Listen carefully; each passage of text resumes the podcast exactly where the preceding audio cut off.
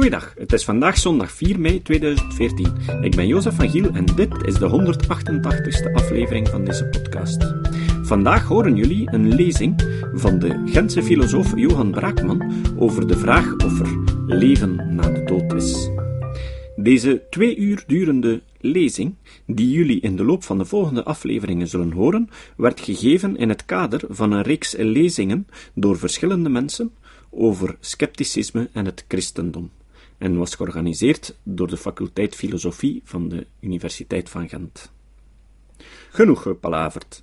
Hier komt het. Dus ik geef u nu graag het woord voor iets minder dan vier uur, alsjeblieft, Johan. Dank je, dank je. Dank. Er is mij verteld dat ik zo echt recht in die micro moet uh, praten. Kan u mij goed verstaan zo? Ja, oké. Okay. Ik zal mijn best doen om de tijd in de gaten. Um, het verwondert mij, om eerlijk te zijn, dat uh, er niet meer over de vraag van vanavond wordt uh, gepraat. En dan bedoel ik toch vooral in academische kringen. Want als u op internet wat gaat zoeken, dan vindt u al snel tal van uh, websites gemaakt of bijgehouden door mensen die begaan zijn met het zogenaamde paranormale of actief zijn in wat men noemt New Age kringen. En daar is dat zeer normaal, dus dat men de vraag over uh, leven na de dood uh, stelt. Niet alleen stelt, men heeft er ook uh, klare en duidelijke antwoorden op. Leven na de dood zou bestaan en wordt daar dan van alles over gezegd. Maar in, als ik dat zo mag zeggen, meer wetenschappelijke kringen, meer academische kringen, waar men dus toch eerder op zoek gaat naar de waarde van de argumentatie, waar men zoekt naar wat je wetenschappelijk bewijs kunt noemen waar dus eh, argumenten gewikt en gewogen moeten worden, waar men zich vragen stelt van methodologische aard, dus ja, hoe, hoe kunnen wij zoiets weten of niet weten, hoe kunnen wij een hypothese zinnig naar voren brengen en testen enzovoort. Dus in kringen waar men op die manier met uh, vragen bezig is, dan uh, wordt daar eigenlijk niet zoveel over gepraat. Ik heb zelf, en ik draai er ook al een beetje mee in het circuit, uh, in feite nog nooit een lezing uh, aangekondigd gezien, laat staan bijgewoond, die dus mijn vraag nu van vanavond uh, behandelt. En ik vind dat eigenlijk wel merkwaardig, omdat u kunt natuurlijk zeggen, ja, mij kan dat geen barst schelen, of er nu leven is of niet na de dood. Maar ik denk dat de meeste mensen daar toch wel op zijn minst wat nieuwsgierig naar zijn. Hè, of daar toch soms wel eens mee bezig zijn. We worden allemaal geconfronteerd natuurlijk met onze eigen sterfelijkheid en uiteraard ook met de dood van naasten en geliefden enzovoort. Dus die vraag duikt onvermijdelijk uh, toch op. Dus met andere woorden, uh, uh, deze lezing, ik zou er zelf ook naartoe komen. Hè. ook als het door iemand anders zou worden gezien. Nu, nog voor we in die literatuur daarover gaan, of, of echt goed gaan nadenken over argumenten, dan denk ik dat we in feite a priori toch al een paar mogelijke antwoorden kunnen naar voren brengen. Ik denk dat, um, dat het niet mogelijk is om met, met een, een, ernstige overtuiging te kunnen zeggen: nee, er is geen leven na de dood. Dus dat ga ik dan ook niet doen, want ik kan dat niet. U had er waarschijnlijk ook niet op gehoopt. Uh, maar hoe dan ook, uh, ik denk dat niemand dat echt kan. En de, de argumentatie daarvoor is, zoals men in het Engels zegt, ja, you, can't, you can't prove a negative. Dus je kunt iets, iets wat je ontkent niet gaan bewijzen. We kunnen daarover discussiëren. Misschien kan dat voor sommige zaken natuurlijk wel. Logisch interne, contradictorische opmerkingen bijvoorbeeld. Of zaken die manifest in strijd zijn met uh, ja, algemeen erkende wetmatigheden uit de wetenschap, uit de fysica bijvoorbeeld. Wat dat betreft kun je dat misschien wel. Maar uh, als ik zeg dat er een, uh, ja, een onzichtbaar maatje op de maan leeft, dan kan u dat niet ontkrachten fundamenteel. U kan natuurlijk allerlei argumenten naar voren brengen die aangeven dat dat zeer onwaarschijnlijk is. Maar u kan dat denk ik niet uh, ontkrachten. Nu, ik spring al in feite naar mijn conclusie, voor een stuk van mijn conclusie nu. Het is eigenlijk ook niet aan, om het even wie, denk ik, om zoiets te ontkrachten. Het is eerder aan degene die denkt dat er wel een maandje op de maan bestaat, om er goede argumenten voor naar voren te brengen. Dus wat ik fundamenteel zal doen vanavond is een aantal, natuurlijk ja, tijd is beperkt, een aantal argumenten die naar voren gebracht zijn pro ja, er is leven na de dood, die zal ik wat uh, wikken en wegen. Ik denk dus dat op zich uh, een positief antwoord mogelijk zou moeten zijn. Kan u meteen ook al zeggen, ik denk niet dat er zo'n positief antwoord bestaat. Er zijn wel mensen die, die beweren, ja, er is leven na de dood en die daar van alles over te vertellen hebben. Ik zal daar natuurlijk op ingaan ook. Maar ik denk niet, want anders uh, zouden we het allemaal weten, dat er een ondubbelzinnig positief antwoord op de vraag is er leven na de dood op dit moment kan gegeven worden. Maar in principe is dat niet onmogelijk. We kunnen methodologisch, denk ik, nadenken over de vraag hoe zouden wij dat kunnen volstrekt ondubbelzinnig te weten komen. En ik denk dat we, dat we daar zinnige antwoorden zouden kunnen op vinden. Maar zoals het dus nu is, kunnen we waarschijnlijk, voor zover ik er heb over nagedacht, niets met zekerheid besluiten. Maar wij kunnen natuurlijk wel die argumenten die gegeven zijn, pro en contra, evalueren. En wat ik dus vandaag zal doen, want dat lijkt mij zelf eigenlijk het interessantste. Dat is waarschijnlijk toch ook, denk ik, wat de meeste mensen boeit. Ik zal een aantal positieve antwoorden, dus mensen die zeggen ja, er is leven na de dood, want dat blijkt uit dit en dat, uh, die zal ik uh, bespreken en proberen te wikken en te wegen. Dus vragen die een empirisch karakter hebben. Dus niet strikt filosofisch, uh, niet strikt ja, voortkomende uit het geloof of uit de fantasie of wat dan ook. antwoorden die een empirisch, een soort proefondervindelijk karakter hebben. Een testbaar tot op zekere hoogte karakter. Dat zijn de zaken die mij hier het meest interesseren. Nu, eerst heb ik toch uh, tien minuutjes nodig om wat voorafgaande opmerkingen te maken die denk ik van belang zijn. Om te beginnen natuurlijk, als we het echt zeer grondig uh, willen aanpakken, zouden we de vraag moeten stellen, wat verstaan we eigenlijk onder leven en dood? Hè? Leven na de dood, dus we moeten eerst weten wat het betekent om dood te zijn, wat dat eigenlijk is. En dan moeten we onze vraag stellen, wat betekent het dan om leven na die dood te hebben?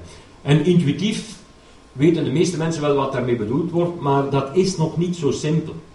Uh, de huidige definitie van dood bijvoorbeeld, uh, wel, ja, als u daar een beetje onderzoek naar doet, dan stelt u snel vast dat men in de medische wereld daar toch niet zo meteen een consensus over heeft. Dat lijkt misschien wat bizar. Maar in uh, discussies rond orgaantransplantatie bijvoorbeeld speelt dat natuurlijk al een rol. Het lijkt ergens evident dat je pas een orgaan bij iemand weggaat als die dood is. Maar uh, eind jaren 60 heeft men, omdat er anders te weinig organen zouden ter beschikking komen, een iets andere definitie dan de intuïtieve aan dood zijn gegeven. Hersendood. Uh, en dan kan men organen wegnemen. Maar uh, voor de leek, als ik dat zo mag zeggen, zien veel van de mensen die hersendood zijn er toch nog niet helemaal dood uit. Want ze ademen nog, ze zijn nog warm, er functioneert nog van alles enzovoort. Dus u kunt vanuit één perspectief dood zijn en vanuit een ander perspectief dan ook weer niet. Er zijn ook zaken zoals schijndood, dat weet u, en, en mensen die lang onderkoeld zijn geweest en je kunt in een vegetatieve coma terechtkomen enzovoort. Uh, sommige delen van uw hersenen kunnen afgestorven zijn, andere weer niet. Dus al is dat niet zo, nog niet zo eenvoudig. En zelfs al sterf je op de meest simpele manier, als ik dat zo mag zeggen. Dus niet, ja, men kan u nog ook nog medisch dan wat langer in leven houden, of zelfs onbeperkt gaan in leven houden. Maar zelfs dan hou je het simpel. Hè. Uh, dan nog is het niet, je leeft en dan plots ben je dood. Het is een, een. Dat is niet onbelangrijk, want daar denkt u misschien ondertussen al aan, uh, met betrekking tot discussies over bijna doodervaringen en dat soort zaken. Uh, wordt dan soms gezegd, ja, die was dood en die heeft daar een en ander meegemaakt en dan is hij teruggekeerd. Ja, maar misschien was hij niet echt dood in de volle zin van het woord, ziet u, want uh, we weten niet eens wetenschappelijk echt 100% zeker wat het precies betekent om dood te zijn. Maar dus daar ga ik eigenlijk niet te diep op ingaan verder. Mijn lezing gaat over de vraag over, maar ik zet het nu nog tussen aanhalingstekens, zoals u ziet, over leven is na een onbetwistbare, ondubbelzinnige dood. Bijvoorbeeld nadat u bent gecremeerd. Ja? Dus dan hoeven we niet veel meer over te discussiëren. Bon. Uh, alles wat daarvoor, al die dubbelzinnigheden en die lastige kwesties over dood of niet dood, die laat ik hier verder buiten, uh, buiten beschouwing. Behalve misschien als ik nog zal spreken over bijna doodervaringen en uittredingen en dat soort dingen. Nu, het begrip leven is eigenlijk nog moeilijker. Uh, het zal u misschien verwonderen, maar uh, Danny heeft naar dat boek verwezen over de geschiedenis van de biologie. Uh, je zou kunnen zeggen dat de hele geschiedenis van de biologie één heel lange uitgesponnen behandeling van de vraag is wat leven precies is. En u zou dan denken, ja, ondertussen zullen we het toch wel al weten zeker? Wel, nee, nog niet helemaal. Leven is ook een zeer lastig begrip. Een beetje complementair natuurlijk aan dood. Uh, je kunt zeggen, ja, die tafel die is, en die fles die, dat is absoluut dood. Maar dat is eigenlijk een verkeerde benadering, want die hebben niet echt geleefd. Je kunt zeggen, die tafel heeft wel geleefd als boom of zo. Uh, Oké, maar laat ik een steen nemen en die fles. Uh, ja, is het juist om dat dood te noemen? Nee, je kunt het woord dood eigenlijk maar gebruiken als iets heeft uh, geleefd. Dus de moeilijkheden van die twee begrippen hangen nogal samen. Maar wat is leven eigenlijk? Wel, dat is een heel verhaal op zich natuurlijk, maar ik denk dat er ondertussen zowel min of meer wat consensus groeit, maar er zijn randfenomenen die het moeilijk maken.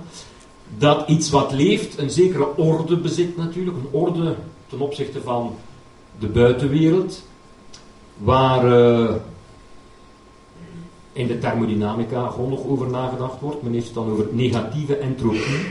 Als u dood bent, dan, uh, dan gaat uw entropie in snel tempo toenemen. Dan geeft u zich als het ware over aan de natuurwetten van de fysica en de scheikunde. Maar als u leeft, dan lijkt dat daar wat tegenin te gaan. Natuurlijk kunt dat niet overstijgen, maar die indruk lijkt dat wel te maken. Leven heeft ongetwijfeld ook iets te maken met erfelijkheid. Levende wezens kunnen eigenschappen op een erfelijke manier doorgeven. Het heeft natuurlijk ook te maken met reproductie. Als wij bijvoorbeeld een computer of een robot zouden willen maken die alle eigenschappen heeft van wat het betekent om leven te zijn, dan moeten we er kunnen voor zorgen dat hij zich op een of andere manier kan reproduceren. En nog iets sterker, hij moet ook ervoor zorgen dat de robot van de tweede generatie zichzelf ook weer kan reproduceren. Ziet u, want dat is wat levende wezens kunnen doen. Nu, we weten theoretisch wel hoe dat werkt. Maar dat is een kwestie van de 20e eeuw geweest. Levende wezens hebben een metabolisme, want ze hebben energie nodig om die orde die ze bezitten tijdens hun leven in stand te houden.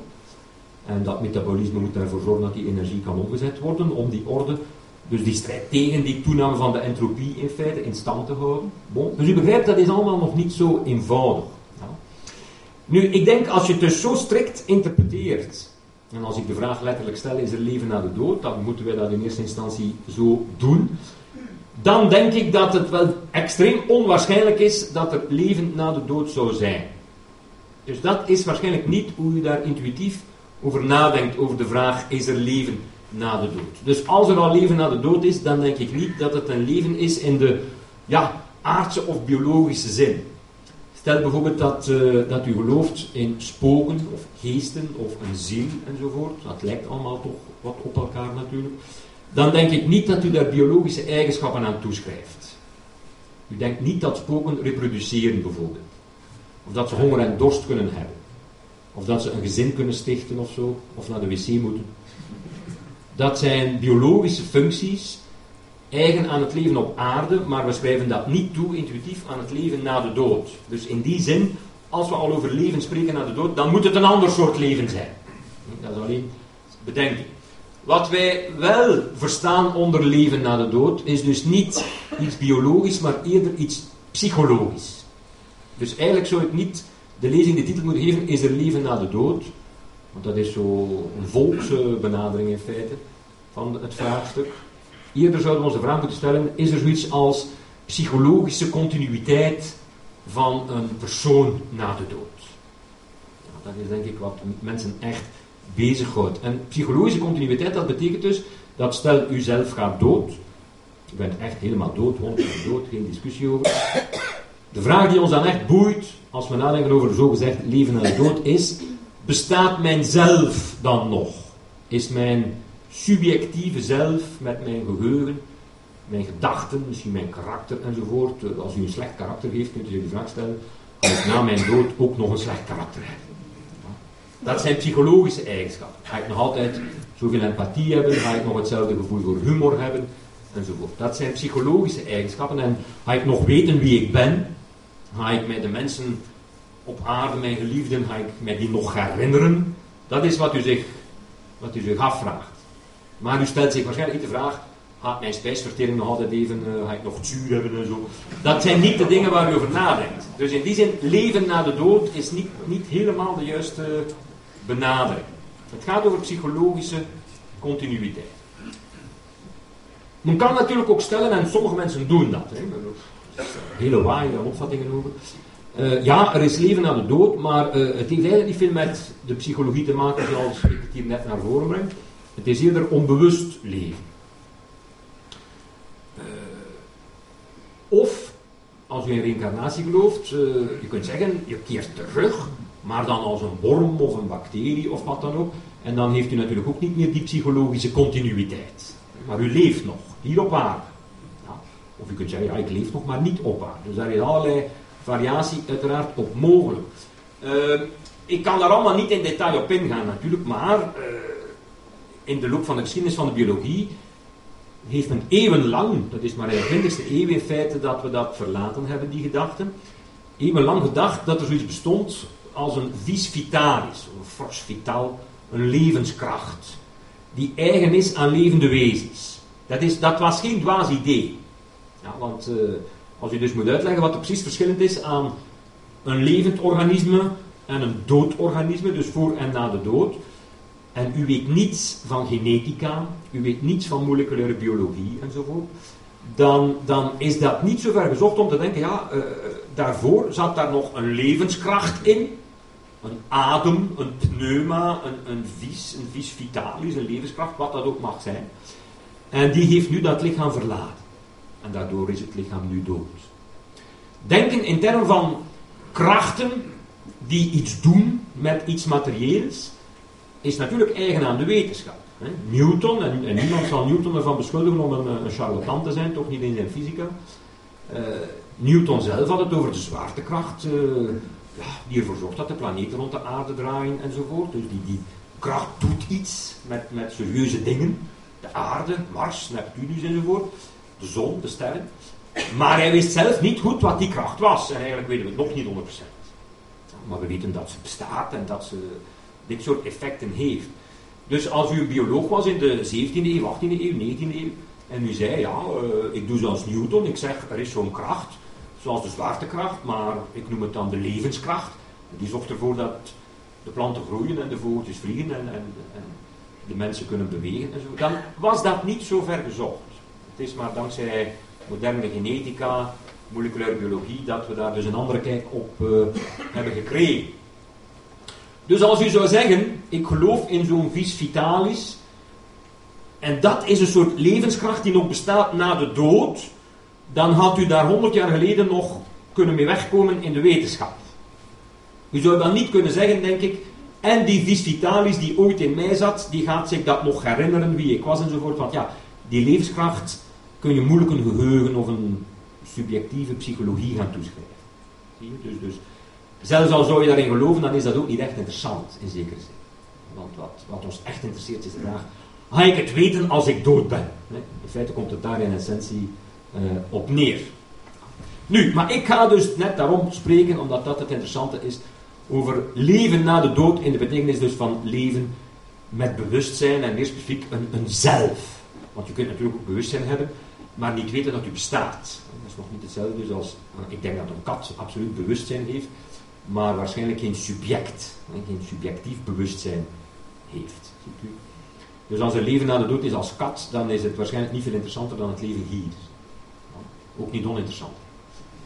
Maar dus dat is opnieuw ook niet wat ons, uh, denk ik, hier bezig houdt. Dit gezegd zijnde, dat roept dan automatisch toch de vraag op, kunnen we wel subject zijn. Dat betekent dus gevoelens hebben, bewustzijn hebben, gedachten hebben, ervaringen hebben, geheugen hebben. Zonder lichaam kan dat bestaan.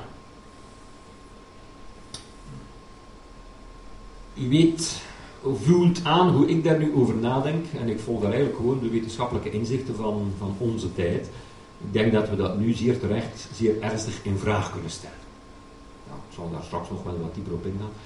Denk dus dat je een brein en een zenuwstelsel nodig hebt om zoiets subjectiefs te kunnen hebben. Om een subject te kunnen zijn, heb je dat nodig.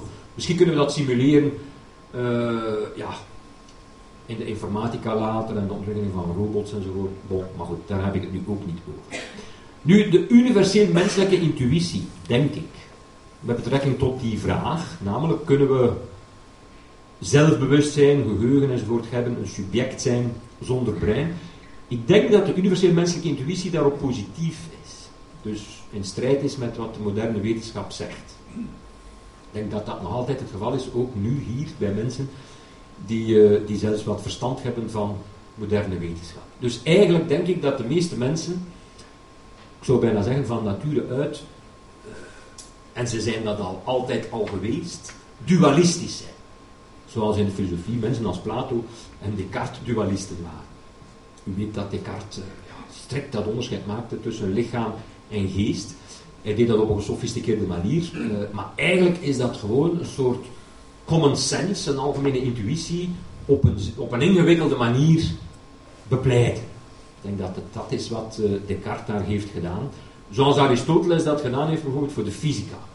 De fysica van Aristoteles is zeer gesofisticeerd, maar is eigenlijk ook een geleerde vorm van intuïtieve fysica. Ik denk dus dat Descartes iets dergelijks heeft gedaan met betrekking tot de vraag uh, hoe zit dat met de verhouding tussen lichaam en geest. Het komt erop neer dat wij natuurlijk elkaar niet strikt als materiële dingen zien. Ja.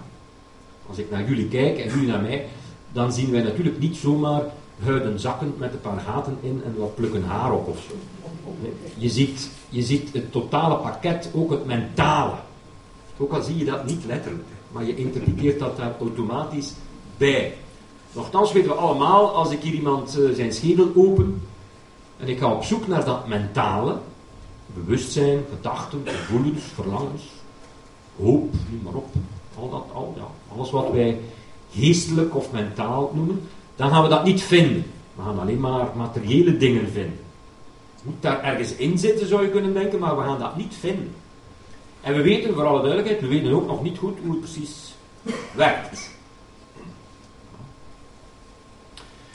Maar de moderne wetenschap denkt wel, ja, het geestelijke is een soort effect van het brein. Zoals maagzuur een effect is van de maag, bijvoorbeeld. Uh, zo moet het ook met het brein zijn. En als je geen maag hebt, heb je geen maagzuur.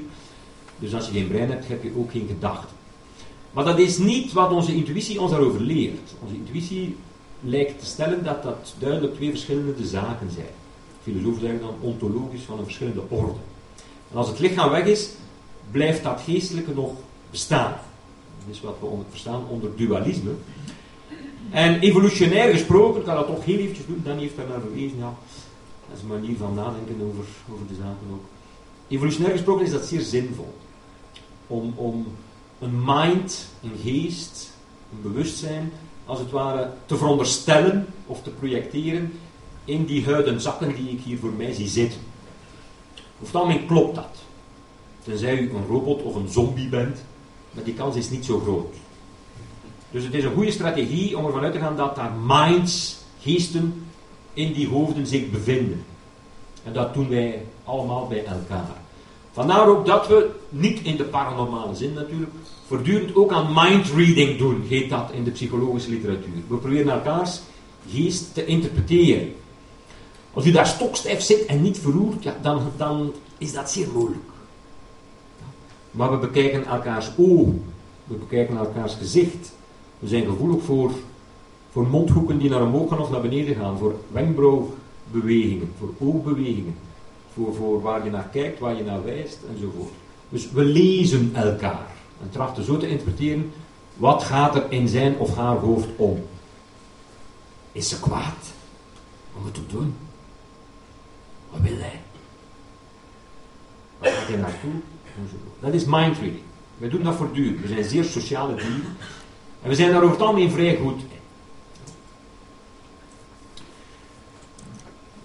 Doden dan die nog leven, als u dus dood en begraven bent of gecremeerd bent, en we zouden ervan uitgaan dat u nog leeft, wat is dat eigenlijk? Dan is dat eigenlijk uw geest, die mind, die we tijdens uw leven voortdurend hebben proberen lezen en interpreteren, die daar nog is, maar dan zonder dat lichaam. Dat is eigenlijk waar het over gaat als we de fundamentele vraag stellen: is er leven na de dood? Is daar dan nog een mind die we misschien nog zouden kunnen lezen of waar we misschien nog zouden kunnen communiceren? Puur vanuit psychologisch open, dus de psychologie als wetenschappelijke discipline, is de vraag dus eigenlijk niet echt of er leven na de dood is, maar eerder waarom wij zo'n vraag zo normaal vinden. Als u even, ook als u gelooft dat er zoiets is als, tussen dus leven na de dood, als u dat even opzij wil schuiven, dan denk ik dat het correct is om te zeggen dat het niet normaal is dat wij dat zo normaal vinden. Want al bij al is dat een extreem vergezocht iets. Denken dat dat zo'n lichaam weg is, dat rot in de grond of we verbranden dat. Maar dat dan al die mentale eigenschappen daar dan toch nog ergens zouden zich bevinden als een, in, in een geheel, niet versnipperd, dus nog met dat zelf, dat subject enzovoort. Dat er nog een centrum van bewustzijn is, zoals, net zoals dat nu het geval is, met uw lichaam. Het is een extreem rare kwestie om zo te geloven, als u daar een beetje nuchter over nadenkt. Dus de psychologische vraag is, is eerder, waarom vinden wij dat zo normaal? Dus u begrijpt, ik geloof daar niet zo geweldig in.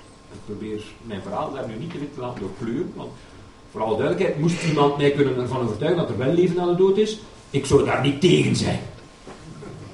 Ja. Ik zou daar niet tegen zijn. Ik denk dat ik het ook niet zo'n geweldig probleem vind om dood te zijn. Ik ga het ook nog uitleggen waarom, maar het komt er in essentie op neer dat ik het nooit zal weten dat ik dood ben. Dus ja, ik kan er niet veel last van hebben. Ik kan er geen last van hebben. Het is onmogelijk om last te hebben van uw eigen dood. U zal ook nooit weten dat u dood bent. Nooit. Ik ga daar straks nog iets over zeggen, want dat is een, een belangrijke kwestie ook uh, in mijn verhaal. Maar dus, zelfs al geloof ik daar totaal niet in. Ik, ik denk dat ik er wel zo van overtuigd kunnen worden, als er goede argumenten zijn, dat er wel degelijk zoiets is als ja, leven, ik zou dat dus hier iedere keer tussen aanhalingstekens moeten zeggen, na de dood. Subjectief leven, bewust leven enzovoort. Misschien niet eeuwig en altijd. Daar, daar kun je over nadenken, dat dat dan wel zo interessant zou zijn. Om echt eeuwig en eeuwig en eeuwig. Ja. Als u psychologisch dan nog bent wie u nu bent, dan kunt u zich toch de vraag stellen, ga ik mij daar dan niet vervelen? Om maar iets te zeggen. Ja, maar het is nu al vaak moeilijk. Maar dat is zo. Dus als uw bewustzijn nog exact hetzelfde is in uw psychologie enzovoort, ja, eeuwig is lang, hè? Dus, maar goed, dat zijn nu niet mijn kwesties, maar op zich is dat ook wel interessant. Maar, psychologisch opnieuw, de vraag die toch interessant is, is waarom ook iemand als ik, en, en vele andere mensen, die daar toch eerder sceptisch tegenover staan, waarom wij geen enkele moeite hebben ook om naar films te kijken zoals, en sommigen zullen dat gezien hebben, The Sixth Sense en Poltergeist en zo spokenfilms uh, over uh, huizen die behekst of ja, bespookt zijn, of hoe zeg je dat, enzovoort. ik kan daar ook naar kijken. Ik zit niet onmiddellijk te denken, wat een belachelijke film, die gaat er toch, toch niet vanuit dat er leven naar de dood is, zeker, dat staat toch nergens op. Nee, wij begrijpen dat allemaal. Wij begrijpen perfect wat daarmee bedoeld wordt. Ook in andere culturen die vaak zeer andere opvattingen hebben over wat er gebeurt na de dood enzovoort. Eh, we begrijpen dat. Als u die antropologische literatuur leest, dat is soms extreem uh, maar ja, we vinden dat allemaal van elkaar. Uh, maar toch begrijpen wij in essentie waar het over gaat. Zelfs als men ergens zegt, ja, onze voorouders die gestorven zijn, maar die leven toch nog, maar ze leven nu in de vorm van een mier of zo. Ja, wij begrijpen dat. Oké, u gelooft dat niet, naar alle waarschijnlijkheid, maar u, u snapt perfect wat daarmee bedoeld wordt, terwijl dat toch eigenlijk een zeer bizarre opvatting is. Dus dat is interessant op zich. Waarom is dat zo? Waarom lijkt dat in feite zo begrijpelijk en zo normaal? Bon, er zijn daar allerlei redeneringen over naar voren gebracht. Waarom mensen zo relatief makkelijk in zoiets geloven als leven na de dood? Ik ga nu maar die uitdrukking gebruiken voor het gemak. Een van de theorieën die u vaak hoort als u daar op café of zo eens over discussieert, dan zal zeker wel iemand dat zeggen. Dat is dat, dat de angst voor de dood reduceert. Mensen denken dan dat mensen angst hebben voor de dood. En dat als je denkt, ja maar er is nog leven na de dood, oké, dan hoef ik geen schrik meer te hebben. Nu, dat is onderzocht. Dat blijkt niet zo te zijn. Ook mensen die geloven in leven na de dood kunnen angst hebben voor de dood. Ook mensen die niet geloven in leven na de dood kunnen geen angst hebben voor de dood. Of evengoed ook wel. Dus er blijkt daar eigenlijk niet direct een, een, een relatie tussen te zijn. Dus de angstreductie als verklaring voor waarom mensen zo makkelijk geloven in leven na de dood lijkt niet te kloppen. Dus een beetje contra-intuïtief denk ik ook voor velen, maar bon. Waarschijnlijk is dat ook een culturele kwestie van, ja, van onze tijd. Want, ik zal dat ergens nog wel vermelden, bijvoorbeeld bij de oude Grieken, uh, leven na de dood was, was niet zo interessant. Hè, dus was niet bepaald uh, troostend. Ja, en daar zijn ook allerlei variaties op. Anderen zeggen, nou ja, het is puur wensdenken. We zouden het zo graag hebben. Stel je voor, uw, uw geliefden nog terugzien en zo. Uh, dat is toch fantastisch. Ja, ja daar valt veel voor te zeggen. Hoewel, mensen die, die niet zo geliefd waren, zien misschien ook terug. Dat is ook weer, ja, bon. Dan wordt er dan zelden bij verteld. Maar dat wensdenken is natuurlijk ook betwistbaar. Want er zijn vele andere dingen die wij wensen, maar waar we niet zomaar in geloven. Ja, ik ga nu niet zeggen wat ik allemaal zou wensen, maar uh, ik weet zeer zeker dat het niet zomaar gebeurt, omdat ik het wens. Dus hier ik mijzelf ervan overtuigd dat omdat ik iets echt hard wens, dat het dan ook realiteit is. Ja, daar is toch wel iets meer voor nodig. En ik denk, en dat is een relatief recente literatuur die in ontwikkeling is, dat de stelling dat het eigenlijk, ik zou bijna zeggen, simpelweg onze theory of mind is die als het ware doorschiet, dat dat de beste verklaring is waarom het geloof in leven en dood zo populair is. Wat betekent dat? Wel, wat theory of mind is, heb ik daarnet al informeel naar voren gebracht. Betekent in feite dat mensen, bijna alle mensen, er zijn mensen met bijvoorbeeld bepaalde autistische aandoeningen of andere aandoeningen, die hebben het er moeilijker mee. Maar eh, de overgrote meerderheid van de mensen plaatst spontaan dus een mind in andere levende wezens, bij menselijke levende wezens. Ook, ook bij sommige dieren, tot op zekere hoogte, maar vooral bij mensen. Dus we hebben er een theorie over dat er een mind in andere mensen aanwezig is. Iedereen begrijpt wat daarmee bedoeld wordt. Als dat een beetje doorschiet, dan gelooft u zeer makkelijk in een soort leven, mentaal leven, na de dood. Ook wie niet gelooft in leven na de dood, plaatst zichzelf in dat niets. U moet daar eens over nadenken, het is niet zo makkelijk. Als u dus niet gelooft in leven na de dood, en ik vraag u wat gebeurt er dan met jou na uw dood, dan zal u toch vrij spontaan dingen zeggen zoals, ja, ik ga dat niet weten, want ik ben er dan niet. U plaatst zichzelf in dat niets. Zeer moeilijk om dat, om dat weg te denken. Dat verklaart ook waarom wij onze eigen dood moeilijk kunnen voorstellen. Wij blijven ons voorstellen dat we ons niet zijn waarnemen. Na mijn dood zal ik dan zien dat ik er niet meer ben. Nou, dat kan dus niet. Maar dat is zeer moeilijk om daaraan te ontsnappen. En er zijn van die zeer bizarre syndromen die dat op een, op een merkwaardige manier verduidelijken. Ik weet niet of u al gehoord heeft van het syndroom van Cotard. Ik wens u dat niet toe, maar het is wel heel interessant. Dat is een syndroom waarvan dus de mensen die eraan lijden, die denken dat ze dood zijn. Ze denken dat ze dood zijn. Ze denken zelfs dat ze niet meer bestaan, sommigen. Dus ze zeggen dat ook aan de artsen en zo. Ja, ik ben dood. Ik, ik besta niet meer. Ik heb dus geen voedsel meer nodig en zo. Geen water meer nodig, want ik ben toch dood. En die menen dat letterlijk. Als, er, als je dan op maar hoe kun je nu dood zijn als je er zelf nog over nadenkt? Ja, dan komt daar zo niet veel zinnige respons op. Maar ze blijven ervan overtuigd uh, dat ze dood zijn. Eigenlijk illustreert dat hoe krachtig, wat ik dus noem, het psychologisch continuïteitsdenken kan zijn. Zelfs al denk je dat je dood bent, ben je blijkbaar toch nog in staat om erover na te denken. En dat lijkt bijna normaal. Je kunt wel zeggen, ja, maar dat is dan een syndroom. Ja, maar mensen zoals u en ik redeneren eigenlijk ook voor een stuk zo. Als wij dood zullen zijn, dan gaan we nog, ja, zelfs al geloof je in leven na dood, dan je positioneert jezelf daar nog ergens in. Aansluitend, en dat komt dus omdat wij een zeer spontane vorm hebben van ja, aan mindreading te doen en zo'n theory of mind hebben, die dan heel makkelijk kan doorschieten. Er is de laatste jaren veel onderzoek gedaan naar kinderen ook. Piaget deed dat al en zo, maar de laatste jaren is dat eigenlijk echt goed op gang gekomen. Eh, naar dus hoe, kinderen denken over leven na de dood en waar oma naartoe gaat als ze gestorven is enzovoort. Wel, zelfs kinderen die, wat ik nu maar voor het gemak noem, atheïstisch worden opgevoed, gaan toch zeer spontaan ideeën ontwikkelen over een leven na de dood. En gaan zeer spontaan denken dat bijvoorbeeld een dier dat uh, dood is gegaan, een, een geliefde huisdier bijvoorbeeld is dood, eh, maar dat je daar toch nog kunt mee communiceren. Of dat als dat dier bijvoorbeeld honger had, dat het eh, vlak voor zijn dood, de kat had honger en ze werd overreden. Uh, wel, dat is spijtig, want ze had niet gegeten voor ze overreden is en nu, nu is ze dood en ze heeft nog altijd honger. Voor een kind van vijf is dat een zeer normale redenering. Dus algemeen psychologische eigenschappen voor kinderen blijven gewoon spontaan doorwerken. Dus kinderen zijn van nature uit zeer dualistisch. Let op, daarmee heb ik natuurlijk niet gezegd dat er een soort aangeboren geloof in het hiernamaals is. Dat is maar een late uitvinding waarschijnlijk. Allerlei variaties op de hemel en de hel en onderwerelden en de hades en noem maar op. Er zijn daar heel veel variaties op eh, bedacht in mythologie en in uh, religie.